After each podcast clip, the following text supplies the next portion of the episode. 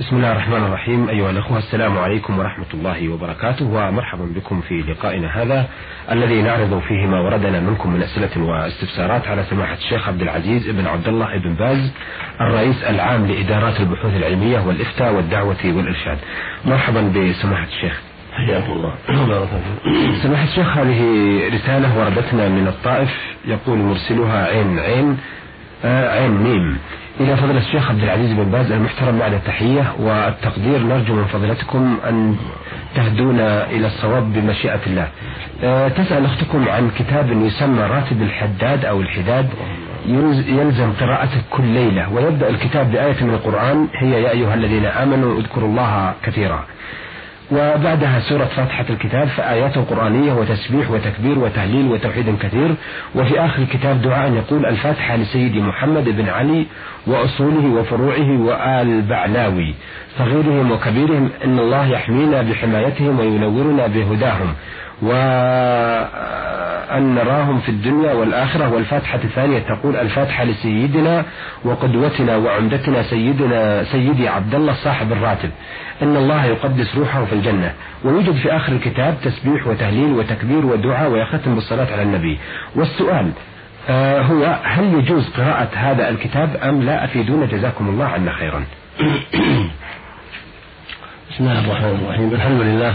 وصلى الله وسلم على رسول الله وعلى آله وأصحابه ومن اهتدى بهداه. أما بعد فهذا السؤال عن راتب الحداد الذي بدأه بالآية الكريمة يا أيها الذين اذكروا الله ذكرا كثيرا وذكر بعد ذلك الفاتحة وآيات ثم ذكر في آخره الفاتحة لسيده محمد بن علي إلى آخره والفاتحة لفلان صاحب الحداد صاحب الراتب عبد الله الحداد.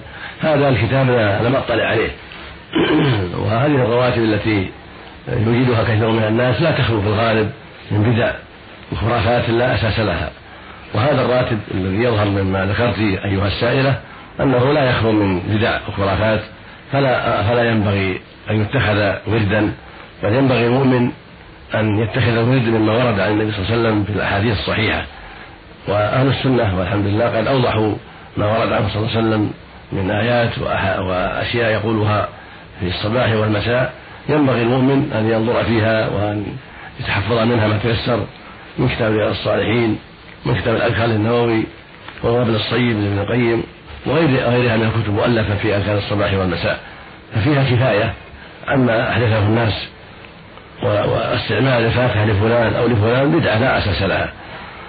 فينبغي الحذر من هذه الكتب المؤلفة في أذكار الصباح والمساء إلا ما كان صاحبه يعتني فيه بأحاديث الرسول صلى الله عليه وسلم ويذكر ما كان يفعله صلى الله عليه وسلم ويقوله في الصباح والمساء. هذا هو المعتمد. المعتمد هو الذي يثبت عن النبي صلى الله عليه وسلم من الدعوات والأذكار في الصباح والمساء. مما يذكره أهل العلم في كتبه المؤلفة في هذا الشأن مثل ما تقدم في الصالحين الخال النووي آه، كتاب بواب لابن القيم وهكذا ما يذكر في الصحيحين البخاري ومسلم وفي السنن وغيرها ينتقى من هذا ما ثبت وما صح. ويكفي ولشيخ الاسلام ابن تيمية رحمه الله كتاب سماه الكلام الطيب ذكر فيه جملة من هذا أيضا. فينبغي للمؤمن والمؤمنة أن يتوخيا ما صح عن النبي صلى الله عليه وسلم في هذا الباب من كتب الحديث.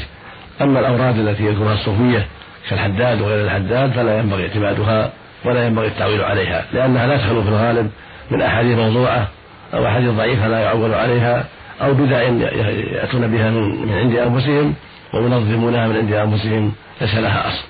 والله المستعان. أثابكم الله. الرسالة التي بين يدينا يقول مرسلها علي ناصر اليماني أعرض رسالتي هذه على الشيخ عبد العزيز ابن باز والسؤال الأول إذا وضعت الملابس التي احتلمت فيها وفيها المني ووضعتها في صحن كبير أو في الغسالة للغسيل وأثناء عملية الغسيل تقع علي وعلى ثيابي بعض القطرات من هذا الماء فهل أتنجس أنا وثيابي؟ وهل غسلة واحدة تكفي؟ وما مقدار القلتين؟ اعلم يا أخي أن المني ظاهر وليس بنجس فإذا وضعت الثوب الذي فيه المني في صحن كبير أو في غيره وطار من غسل الرشاش لا يضره. وليس بنجس المني أصله هو أصل الإنسان وهو طاهر. وكانت عائشة رضي الله عنها ربما حكته من ثوب النبي صلى الله عليه وسلم من دون غسل. ولو كان نجسا لاحتاج إلى غسل. والمقصود أن الصحيح أنه طاهر فقط وليس بنجس. فلا يضر ما يقع من رشاش في غسله.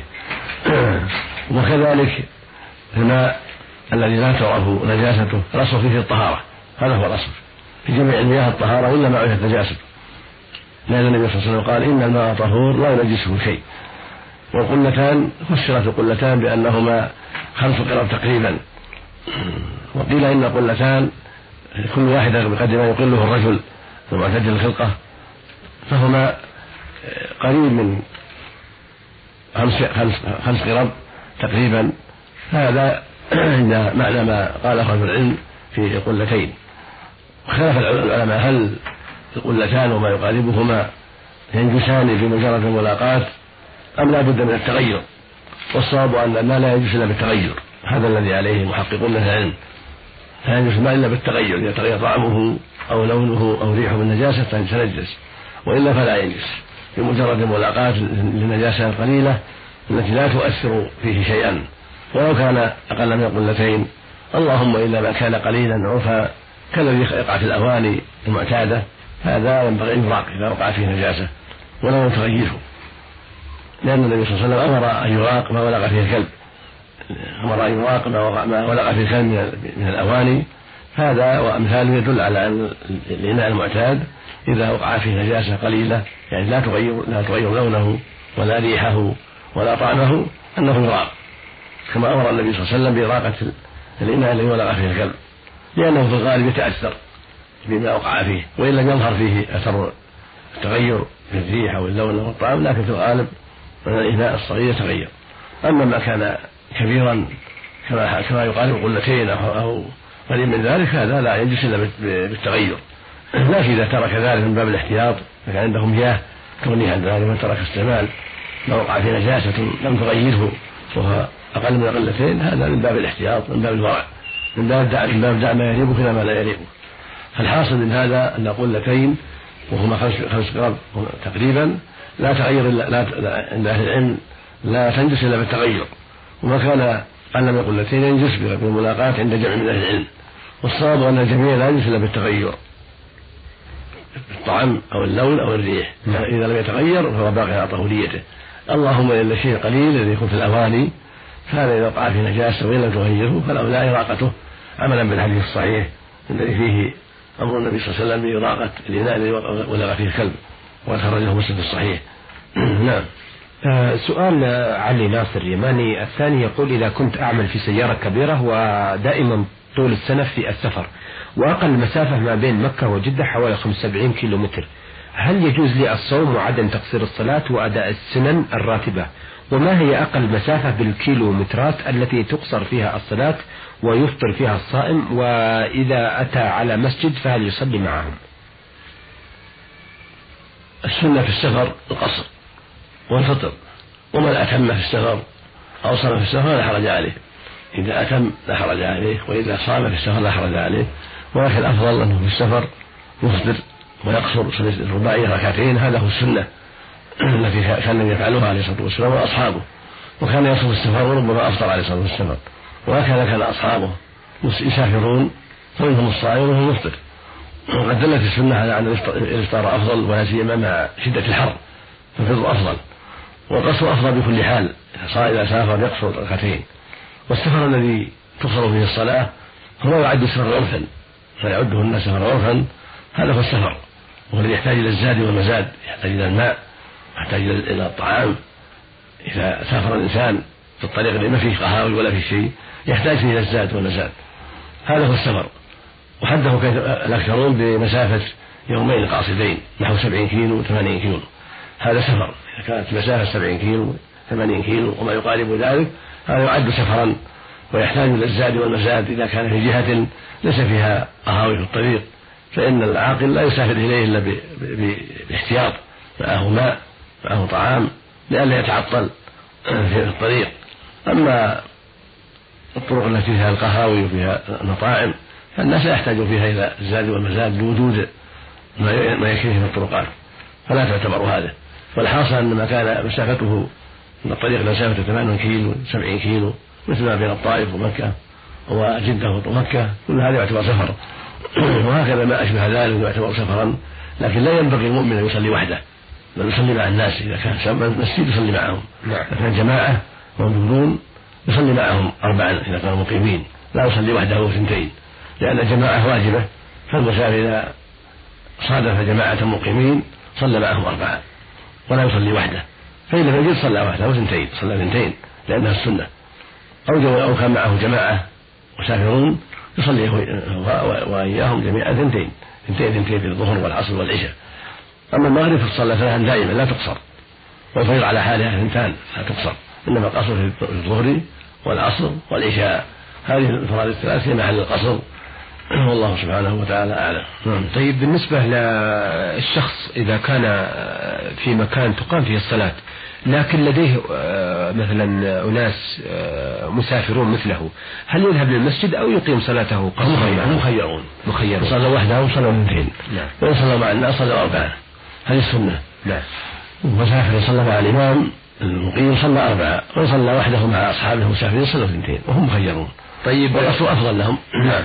طيب هل يطالب أو عليه أن يأتي بالراتبة إذا صلى مع الذين يتمون؟ إذا صلى مع المتمين فالأفضل أن يأتي بالراتبة. إذا صار له حكم المقيمين نعم. فيصلي فيصلي الراتبة. وإن ترك فلا بأس لكن إذا أتم فالأفضل أن يأتي بالراتبة.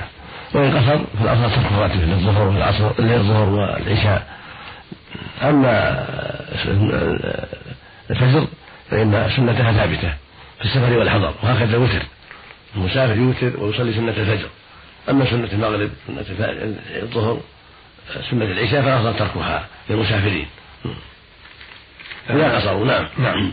هذه رسالة وردتنا من آه، المرسل سعود عبد الله العنوان الخفتي شركة الزيت العربية. يقول السلام عليكم ورحمة الله وبركاته. وبعد آه، أرجو من أخي مقدم البرنامج أن يعرض سؤالي هذا على فضيلة الشيخ عبد العزيز بن باز. والجواب في غاية الأهمية أرجو أن تكون سريعا في الرد عليه. يقول في سؤاله إن لأبي امرأة وله منها أولاد. إن إن لأبي امرأة وله منها أولاد ولزوجته هذه أخت فهل يجوز أن أتزوج أخت زوجة أبي؟ علما أن أخواني من زوجة أبي ينادونها يا خالة وطبعا هي محرمة عليهم لأنها خالتهم أخت أمهم. فهل تحرم علي لأني أخوهم؟ وهل يصبح تقديرها بالنسبة لي يعادل تقدير الخالة الأصلية أم لا؟ لا بالنسبة لك السائل لا ليست خالة له.